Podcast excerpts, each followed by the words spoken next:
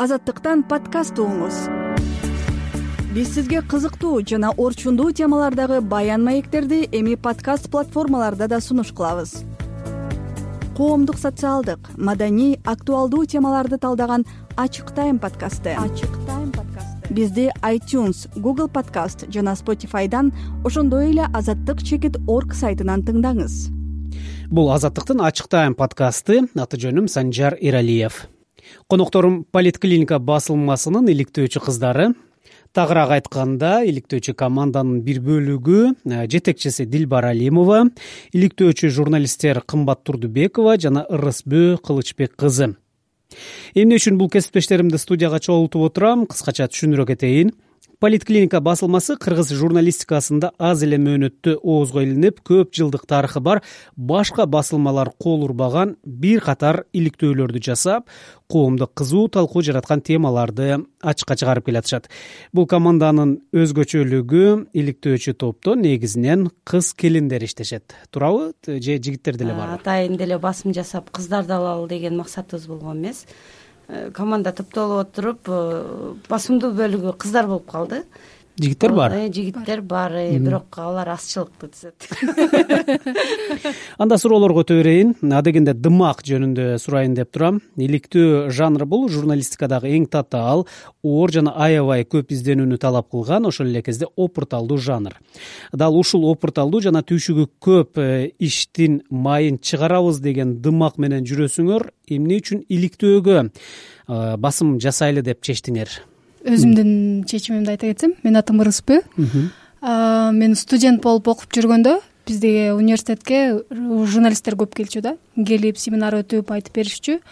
Ошонун арасынан иликтөөчү журналисттер мындай өзгөчө айырмаланып турчу да. Башка адамдарга караганда мындай көп нерсени көргөндөй алысты көргөндөй сезилчү да. Ошон үчүн аларды көрүп мен дагы ушул тармакка кызыгып келгем да мен э, кымбат. Мен негизи бул тармакка башынан бери кызыгып келем. Себеби журналист болгондон кийин мындай эле мисалы бул жакта бул нерсе болду деп жазып коюш э, мен үчүн мындай өтө деле маанилүү нерсе эмес да мисалы ал жакта бир нерсе болду эмне себептен ал болду артында кимдер турат деген сыяктуу маселелер мага көбүрөөк мындай кызыктыруу жаратат десем болот да. Ошол себептен бул тармакты тандап алдым окшойт. Мен журналистикада он сегиз жылдан бери иштейм. Э, негизинен жаңылыктар жанрында эмгектенем. Анча мынча социалдык актуалдуу темаларда видео долбоорлорду жасайм анан мынтип силерге окшогон кишилерди чогултуп маектешем. Бирок иликтөөчү журналист эмесмин азыр биздин курого таш атылып кетпедиби коробузга таш атылып кой бул бирок эме болуш керек да. Адамдын баягы ички өзүнүн мүнөздөрүнөн биз негизи иликтөөгө келгичек деле биз мындай орусча айтканда любопытныйраакпыз да. Анан бир нерсени каза калып текшере калып ушундай мен негизи жашоодо деле ошондоймун да.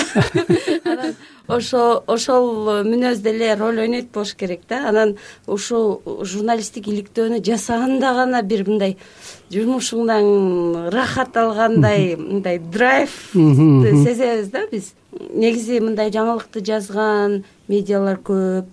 Э, биз ушул өзгөчөлөнгүбүз келип буга чейин баягы газета чыгарып бир өзүбүздүн жолубузду таппай изденүүдө жүрдүк да.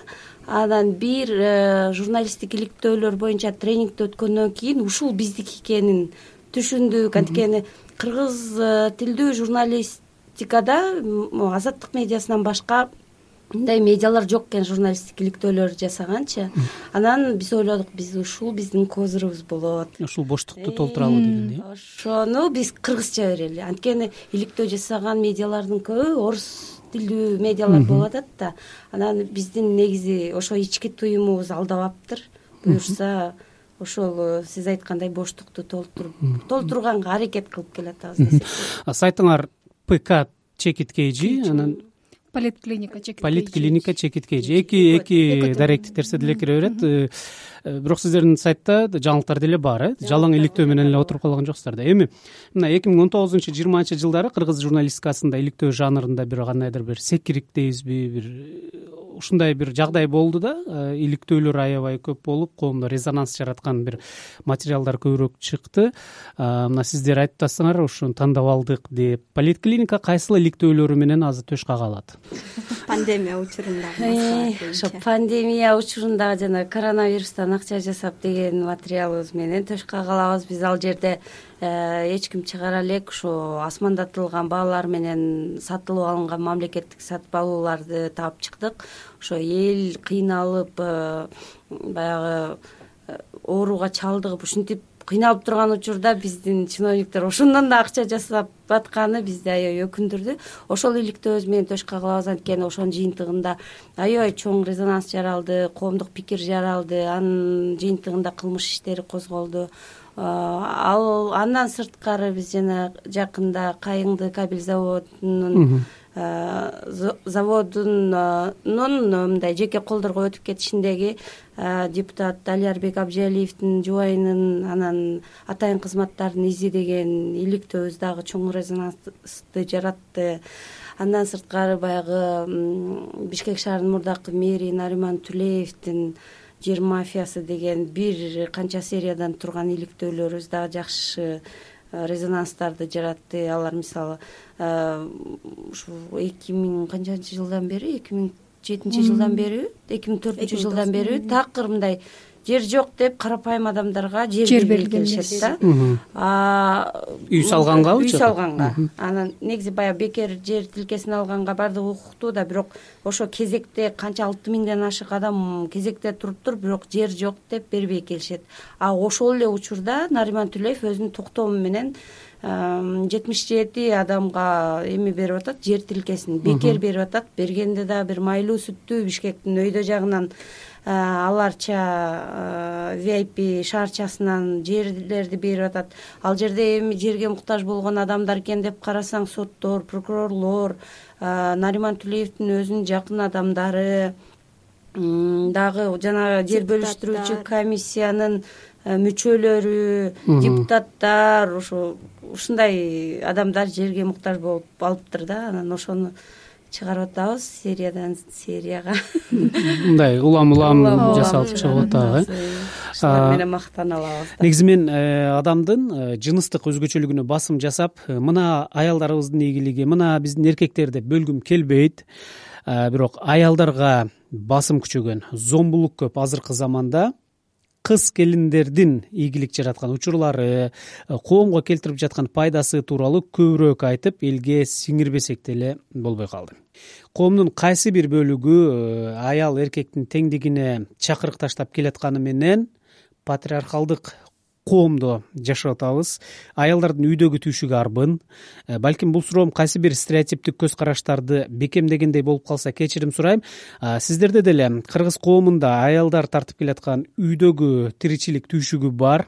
Балдарды карап үйдөгү жумуштар менен алектенип дегендей убакытты кантип таап атасыңар? Стереотиптерди кантип жеңип атасыңар? Үйдөгү жоопкерчиликтер менин үстүмдө көп жок. Ошон үчүн мындай ээн эркин иликтөө менен алектене алам. Мен азыр бойдок болгон үчүн анан кымбат эже менен дилбар эже кыйнап атат дилбар эже экөөбүз үй бүлөлүү болуп балдарыбыз дагы кичинекей эки жаш үч жаш анан бир учурда эле иликтөөнү бүтүрүп ошол эле учурда балдарга чуркаган учурлар болот да мисалы бир заматта иликтөөгө барыш керек бир жерге анан келип балдарды садиктен алып үйгө барыш керек. Ушул маселелер кээде мындай кыйынчылык туудурат кээ бир учурларда бирок көнүп калдык десек болот да буга деле. Анан белгилеп кетиш керек. Бул кымбаттын жолдошу дагы менин жолдошум дагы биздин кесипти колдогон бир мырзалар. азаматтардын бири да. Бизге мындай көбүнчө мындай түшүнгөнгө аракет кылышат. Бирок өзүбүздүн баягы энелик милдетибизди дагы үйдөгү аялдык милдетибизди дагы аткарып баардыгына жетишкенге аракет кылабыз. Азыр мисалы мен балдарымды окутуп коюп анан мектептерине даярдап коюп анан бияка чуркап келдим жогоруда айттым иликтөө кооптуу жанр. Э, кыргызстанда да иликтөөчү кесиптештерибиз коркутууга кабылган учурлар бар. Эки жыл мурун же бир жарым жыл мурунбу айтылуу иликтөөчү э, болот темировду сабап кетишти. Мен өзүм тааныган айрым кесиптештериме телефон чалгандар коркуткандар же болбосо тескерисинче оозун майлаганга аракет кылгандар бар. Сиздерди коркуткандар же болбосо жең ичинен кызматташууну достошууну сунуштагандар болдубу азыр мындай конкрет керектүү фамилияларды айтпай эле коелу бирок бизге баягы өтө коркутуу деле эсимде жок бирок бизди мындай ошо сиз айткандай тырмакчада достошууга сатып алууга аракет кылган учурлар болот эми. Ушуну чыгарсаң эле эмне болот? Ушуну менен кыргызстан өнүгүп кетеби. Же сен эле эмне кыла бересиң андан көрө пайдаланбайсыңбы ушул байкеңди? Бир маселеңди чечип албайсыңбы деген учурлар болот да. Анан же мындай тыйын тыпырын деле сүйлөшөлү деп айткан учурлар болот. Анан эми биз баягы биздин принциптерибиз башка стандарттарыбыз башка дегендей биз андайга жол бербейбиз. Андан көрө биз ошо иликтөөнү чыгарып салып бир тыйыны жок калган биз үчүн. Жакшы да. Аброй. Жагат бизге. Аброй. Жүзүбүз жарык болуп жүрсөк элдердин арасында ошол бизге мындай чоң олжо ошондой учурлар болгон жакында эле бир чиновник мынтип айтты да казгыла казгыла дагы терең терең казгыла дейт да менде да компромат бар мен начар адаммын деп ушинтип эле ачык эле мындай мындай биз тарапка силер деп айтпаса дагы ачык эле коркутуу болгон да. Ушундай учурлар кээде болуп калат. Аябай кызаңдап туруп ушинтип айтты да. анан жакында эле ош базарындагы дары дармектер боюнча дагы иликтөө жасаганда ал жактан мен мындай билдирбей тартып атабыз да. Мен берки жакта дары сатып алып атам сүйлөшүп. Тиякта оператор кыз э, тартып атат. Аны байкап калып эле балдар чуркап барып эле эмне тартып атасың десе баягы оператор кыз качып кетти чуркапчы.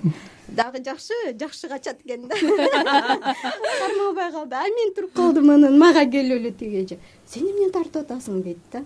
Анан мен кайра аларга атака жасап баштадым да кана мен тартып атамбы депчи бирөөнүн жакын тууганы болуп же алыскы тууганы болуп же бир таанышы болуп барып ошондон маалымат алууга туура келет да. Андай учурлар деле болот бирок бул мындай коомдун кызыкчылыгы менен салыштырганда коомдун кызыкчылыгы өйдөрөөк тургандыктан ушундай кадамдарга көбүрөөк бул эми эл аралык журналистикада колдонулуп маалымат э, да маалымат ала албагандан кийинки акыркы бир кадамдардын бири. Азыркы азыр бир иликтөө жасап атабыз э, бирок ал иликтөөнү ачыктай албайбыз. Ошонун негизинде дагы мындай ролго кирүүгө туура келди да. Анан бир эмес бир нече жолу барууга туура келди. Ал жердегилер бизди жаттап деле таанып деле калды окшойт ал жердеги кишилер кошуналарына барып домкомуна барып маалымат алууга туура келди да. Анан ошол квартирада бирөөлөр жашаганын далилдешибиз керек да? анан биринчи күнү экөөбүз чогуу бардык. Анан мен домкомуна кирип сүйлөшүп чыккан элем да. Анан андан кийин бир жума өткөндөн кийин кайра экөөбүз чогуу баратабыз да анан домкомго кайра барсак мен ойлоп атам мен лицомду деле унутуп калса керек депчи. Десем көрсө жаттап калыптыр. Анан сен өткөндө келбедиң беле дейт да өткөндө сурабадың беле. Анан кайра эмнеге келдиң деп атпайбы десе кайра бир нерсени мындай ойлоп жаңы нерсе ойлоп таап кыздар баягы бир опрос жүргүзүп аткан адам болуп квартираларды кагып анан. Ошол жакта жашагандардын аты жөнүн жазып ошентип бирок биз биздин э, иликтөөнүн каарманынын ошол квартирада жашаганын далилдеп келишти. Ушундай учурлар болот. Анан баягы биз эл аралык э, жана осрпнин стандарттары менен жасап атабыз деп атпайбызбы? Иликтөөлөрдү ошол жакта мисалы туугандык байланышын далилдеген дагы өтө кыйын тапшырмалардын бири да. Мисалы мунун тайкеси экен тиги айтты деп койсок ал өтпөйт да. Ушул тайкеси экенин э, биз мындай так далилдеп берсек гана ошо тайкеси деп жаза алабыз да анан ошондой туугандык байланышын табыш үчүн э, ушул эки кыз бирөөгө баягындай сетевой тармактык маркетингге жазылышты. Э, жазылып ошонун сабактарын угуп чыгышты лекцияларын лекцияларын угуп. Анан ошол боюнча суроолорду берип кичине жакындап аны менен анан кийин э, ошонун ичинде мен сизди тааныйт окшойм депчи мен баягы общий туугандарын жалпы туугандарын айтып ошонун сиз келини болосуз да деп сураганда анан кийин ал а ооба ал эжем бул эжем бул менин жолдошум да деп анан бүт туугандык байланыш ушундай учурда кээде мындай калп айтканга да туура келет да. Анан ошондой учурда мисалы мен мунун подружкасымын деп барасың кээдечи анан ал канчанчы жылкы эле десе мындай билбейсиң да эмне эле өздөрү айтып ийген учурлар болот анан. Ошондо жанагы э, сетевой маркетингде иштеген бардык биз барып отуруп эле анан. Аялдар көп да. Отурабыз кантип суроо берет болдук экен? деп отурабыз отурабыз анан. Бир маалда эле айттым да сиз бул белеңиз мен сизди бир жактан көргөн киргенде эле мен сизди бир жактан көргөндөй болуп атам деп койдум да эми подозревать этпесин деп. Андан кийин анан айтып атпаймынбы мунун мунусу белеңиз десем ии дейт. А менин атам муну менен иштейт да деп атам да анан чыгып алып кайра мындай күнөөлүү кишидей болупчу кудай кечире көр мен калп айттым депчи ушундай учурлар болот. Коомдун кызыкчылыгы үчүн. Коомдун кызыкчылыгы үчүн. бирок ошону туугандык мамилесин туугандык байланышын далилдеп чыгышты да. Далилдеп ошону менен биз жана факт чектен өтөбүз да. Иликтөөнүн ар бир үтүр точкасын факт чекерлер текшерет да жарыялагандан мурда. Ал жакта келин экен десең келин экенин далилдеп беришиң керек. Атасы экен десең атасы экенин далилдеп беришиң керек. Ачык тайм подкасты. Ачык тайм подкасты бул азаттыктын ачык тайм подкасты конокторум политклиника басылмасынын иликтөөчү командасынын өкүлдөрү жетекчиси дилбар алимова журналисттер кымбат турдубекова жана ырысбү кылычбек кызы менин аты жөнүм санжар эралиев. Силерге деле байкалабы же жокпу билбейм. Э, эмнегедир? Биздин кыргызстанда деги борбор азия мамлекеттеринде иликтөөчү журналисттерди бийлик оппозиция катары кабыл алат. Журналист оппозиционер болушу мүмкүн эмес го. Журналист дайыма эле бир позицияны карманат да. Ошол эле бийликтегилерге алар.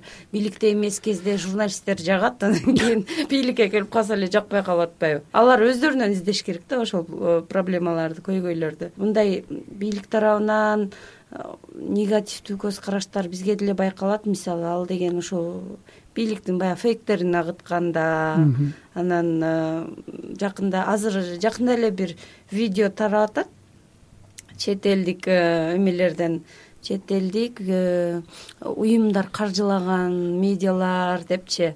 Ошондой видео дагы тарады анан атайын список тарады структураларын жийип анан ошол жакта азаттык жүрөт кактус медиа жүрөт клуб жүрөт анан биз жүрөбүз. Бизге тескерисинче ошол жакта жүргөн сыймык да анткени бүт эң алдыңкы медиалардын тизмеси экен да а ошол списокко илинип калган биз үчүн аброй болду тескерисинче. Фейк деп атпайсызбы фейктердин э, соккуларына кабылып турасыңарбы? Бизде андай ооба бизде дагы көп болот эми өтө чектен чыгып баратпаса жөн коебуз алар деле келип жаза берсин ишин актай берсин депчи бир учур болду э ырсага жазган учурлар болду. Ооба жанагы коронавирус жөнүндө иликтөө чыгаргандан кийин биз ошол коронавирус жөнүндө иликтөө жасап атканда өзүбүз да коронавирус менен ооруп отурган учур болчу да. Анан акыркы э, штрихтерин жасап мына мына иликтөө чыгат деп чыгаргандан кийин эле социалдык тармактардан мындай эч нерсеси жок эле пустой эле аккаунттар жаза баштаган да. Сүрөтү жок сүрөтү жок эч нерсеси жок. Пустой эле аккаунттар да анан кийин. Өзүң ооруп отурасың арабың отурасың мындай воздух жетпей атат анан еще мындай больше давление келет экен да. Мен үчүн биринчи болгон да ошол учур. Уят сөздөр менен жазышат сөгүнүшөт бетиңди көрө алгыс кылабыз деген сыяктуу. Ар кандай сөздөрдү жазышат да. Анан эми пустой аккаунт жазып аткандан кийин көңүл бурбайын деп ойлойсуң бирок адам болгондон кийин баары бир өзүңө кабыл алат экенсиң да биринчи жолу болуп атса анан ошондо бир аз кандай десем маанайым түшкөн бирок кийин бара бара көнүп кетет экенсиң. Иммунитет иштелип чыгат да. Биринчи биринчи фейктерге каршы э, иммунитет э? мындай кээде фейктердин ким экенин почеркинен таанып коесуң да. Биз бир э, жанагы бизде кыргызстанда белгилүү болгон үй бүлө бар да матраимовдордун тесттери боюнча биз иликтөө жасап анан иликтөө чакан иликтөө да эми баягы дүйнөлүк саламаттыкты сактоо уюму биздин э, саламаттыкты сактоо министринин орун басары э, ошол матраимовдордун фондуна кат жазып атат да э, сиздердин тесттериңиздер эң жогорку муундагы тесттер экен.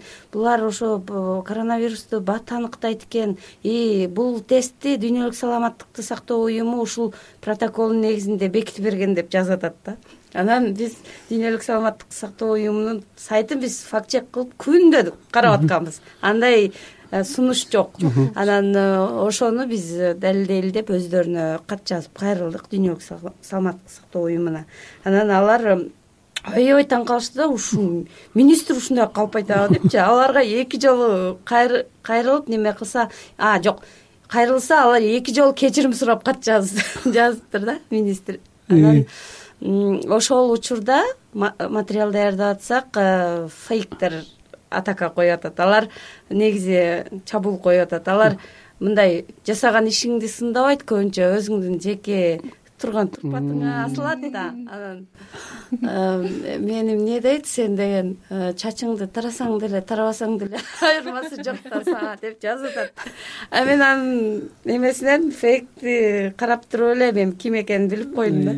Анан айттым биз силерге жооп даярдап койдук жакында жөнөтөбүз деп жазып койдум десем ал дароо ошол комментарийин удалить этип туруп э, анан э, фейктин атын өзгөртүп салды. Ал фейктин аты өзгөргөнүн деле биз билебиз да. Анан э, мындай баягы бутага таамай аткан кемин деп өзүмө өзүм сүйүнүп калдым силерди э, конокко чакырып коюп э, бир сыйра интернетте аңтарып журналистикага тиешеси бар фильмдерди карап чыктым. Э, тайманбас журналист айымдар тууралуу бир топ тасмалар бар экен. Адам сатуунун курмандыгы болгон кишилерди таап куткарып келгендер террорчулардын жаман ниетине тоскоол болгондор криминалга каршы чыккандар айтор көп экен. Дээрлик баары опырт алдуу жолдор менен түрдүү иликтөөлөрдү жасаган каармандар албетте мен сиздерге бычак мизиндеги эмгек жолун каалабайм бирок ошондой учурлар болуп калды дейли ушундай суроого мен студент кезимде да жооп бергем. Биздин мугалимдер көп сурап калчу. Ушундай жагдайлар болуп калса иштөөгө даярсыңарбы бара аласыңарбы деп ошондо биздин журналистика бөлүмүндө да кыздар көпчүлүк болчу да. Анан көпчүлүгүбүз эле барабыз деп жооп бергенбиз. Мен да барам мен деле ошондой жумушту аткаралым деп жооп бергем. Азыр деле оюм ошондой. Аткара алат болушум керек. Аба коркпойм го мындай дилбар сиз э, ошо редакцияны жетектейсиз. Э, кайсы бир учурда э, баш тартууга деле туура келет да журналисттин жеке коопсуз коопсуздугу үчүн же болбосо деги эле ошо адамдын коопсуздугу үчүн. Кайсы учурда сиздер баш тартасыңар иликтөөдөн бизде негизи андай учур боло элек. Бирок андай учур болсо баары бир баягы биз негизинен командада иштейбиз. Ошо журналисттин коопсуздугу үчүн командада иштейбиз да. Бир иликтөөнү бир журналист аткарбайт. Ошондуктан мисалы бир адам жасап атса аны мындай жок кылып кылып коюш оңой деп ойлойбуз дагы биз бир он чакты журналист болуп иштейбиз да. Ошондуктан биз баягы кооп Э, кооптуулукту кичине азайтабыз деп ойлойбуз. Анан бирок эгер э, журналисттин өмүрү турса таразада биз журналисттин өмүрүн эле тандайбыз да. Балким э, убактылуу ошол темадан баш тартып турат. Балким биз баягы өнөктөш башка медиаларга беребиз ошол теманы эгер абдан жасала турган тема болсо. Өнөктөш деп калдыңыз сиз силер демек башка медиалар менен деле кызматташасыңар башка уюмдар менен. Биз кимдер? Жергиликтүү медиалар менен мисалы үчүн клоб менен биз меморандумга кол койгонбуз. Э, ошо иликтөөдө биз мындай өнөктөш болуп иштейбиз депчи. Анткени бул иликтөө жасаганда бул атаандаштык эмес. Буну чогуу жасаш керек. Анан факт чекиджи менен биз э, өнөктөшпүз андан сырткары биз э, ошол э, эме оccrpнин журналисттери менен байланыштабыз. Occrp бул эл аралык уюм уюшкан кылмыштуулукту жана коррупцияны иликтөө долбоору райс молдованын журналисттери менен э, байланыштабыз. Эгер ошондой кооптуулук жаралса биз андан көрө ошолорго ошол теманы менен бөлүшүп биз өзүбүз чектеп турганга деле даярбыз да. Заман тез өнүгүп журналистика деле ошого жараша кадам шилтеп баратпайбы? Ыкчамдык түз алып көрсөтүү же кайсы бир маалыматтын чынтөгүнүн тактоо үчүн факт чек ыкмаларын колдонуу дата журналистика деги толгон токой жаңылыктар кирип келатат. Политклиника базасын кантип чыңдайт? Каржы керек дегендей өзүңүз баягы айтып өттүңүз эл аралык уюмдар менен кызматташабыз деп. Каржы булагын ачык айта аласызбы? Биз ачык эле айтабыз Э, эл аралык уюмдардын жардамы менен жасайбыз. Бул иликтөөлөрдү бул жакшы деп эсептейм. Анткени биздин редакциялар кыргызстандагы редакциялардын баардыгы эле мындай ашыкча каражатты өзүнө э, кетире албаган ну капчыгы жука да. Анан мындай учурда эл аралык уюмдар жардам бербесе ушундай балким чоң иликтөөлөрдү жасай албайт болчубуз. Бул мындай иликтөөлөргө жардам берип атканын тескерисинче биз кубатташыбыз керек. Анткени биз Э, кыргызстанда коррупциялардын бетин ачып атабыз ошол коррупция жок болсо биздин эле коомго жакшы да. Интерньюс менен иштешебиз биз сорос кыргызстан фонду менен иштешебиз дагы башка эл аралык уюмдар менен иштешебиз. Ушул жерде суроо. Коомчулуктун кайсы бир катмарында эл аралык уюмдар менен иштешкен медиалар алардын гана буйругун аткарат деген бир түкшүмөл күмөн саноо бар. Э, ушул ошол уюмдар күнүгө жыйын өткөрүп иликтөө пландарын түзүп берет деген э, далилсиз бир каралоолор бар эмеспи? Баягы. Фейсбукта э, элдердин айтымында ушундай экен да. Булар эме америкадан чоң самолет учуп келет экен анан сырдуу жүк анын ичинде пачкалаган долларлар келет экен анан ал посольствого келет экен элчиликке анан бизге мынтип мынтип берет экен да пачка пачкасы мененчи эми бул бул эми караңгылык деп ойлойм. Алар ачык эле конкурс жарыялашат. Ушундай ушундай багытта биз э, медиа уюмдар менен иштешебиз деп жарыялайт. Ал жака өзүң проект жазасың ошол конкурстан өтсөң анан кийин ошолор менен иштешип каласың да. Иштешип каласың. Ал жерде кандайдыр бир мындай жана социалдык тармакта айткандай неме бербейт багыт бербейт сен. Андай эч кандай эми буйртма болбойт. Биз өзүбүзгө каалаган темабызга эркиндик берет. Мисалы биз өзүбүз темабызды алып чыгабыз. Алардын талабы эле журналистиканын эл аралык стандарттарын сактагыла балансты сактагыла и журналисттик этиканы бузбагыла деген эле талап коет да. Ачык тайм подкасты. Ачык тайм подкасты саясатчылардын э, мамлекеттик мекеме ишканалардын чиновниктердин мыйзамсыз иштерин ашкерелеген журналисттерге каршы комментарийлерди окусам эй мекенчил болбойсуңарбы деген бир догу урунган э, сөздөргө көзүм түшөт. Мыйзамсыз иштерди ашкере кылуу деле мекенчилдиктин бир көрүнүшү дегенди кантип жеткиребиз аларга биз мисалы э, коррупциянын бир бетин ачып атпайбызбы кайсы бир чиновниктин мамлекет тарабынан балким бөлдүрүп алган өзү акча э, акча уурдаган фактылардын бетин ачып атабыз да э, ошол нерсени биз ачсак мисалы канча акча уурдаганы ошол нерселер кайра мамлекетке кайтса бул жакшы нерсе да. Мекен үчүн мисалы мен ойлойм да ушинтип жеке пикиримде негизи эле ошондой да.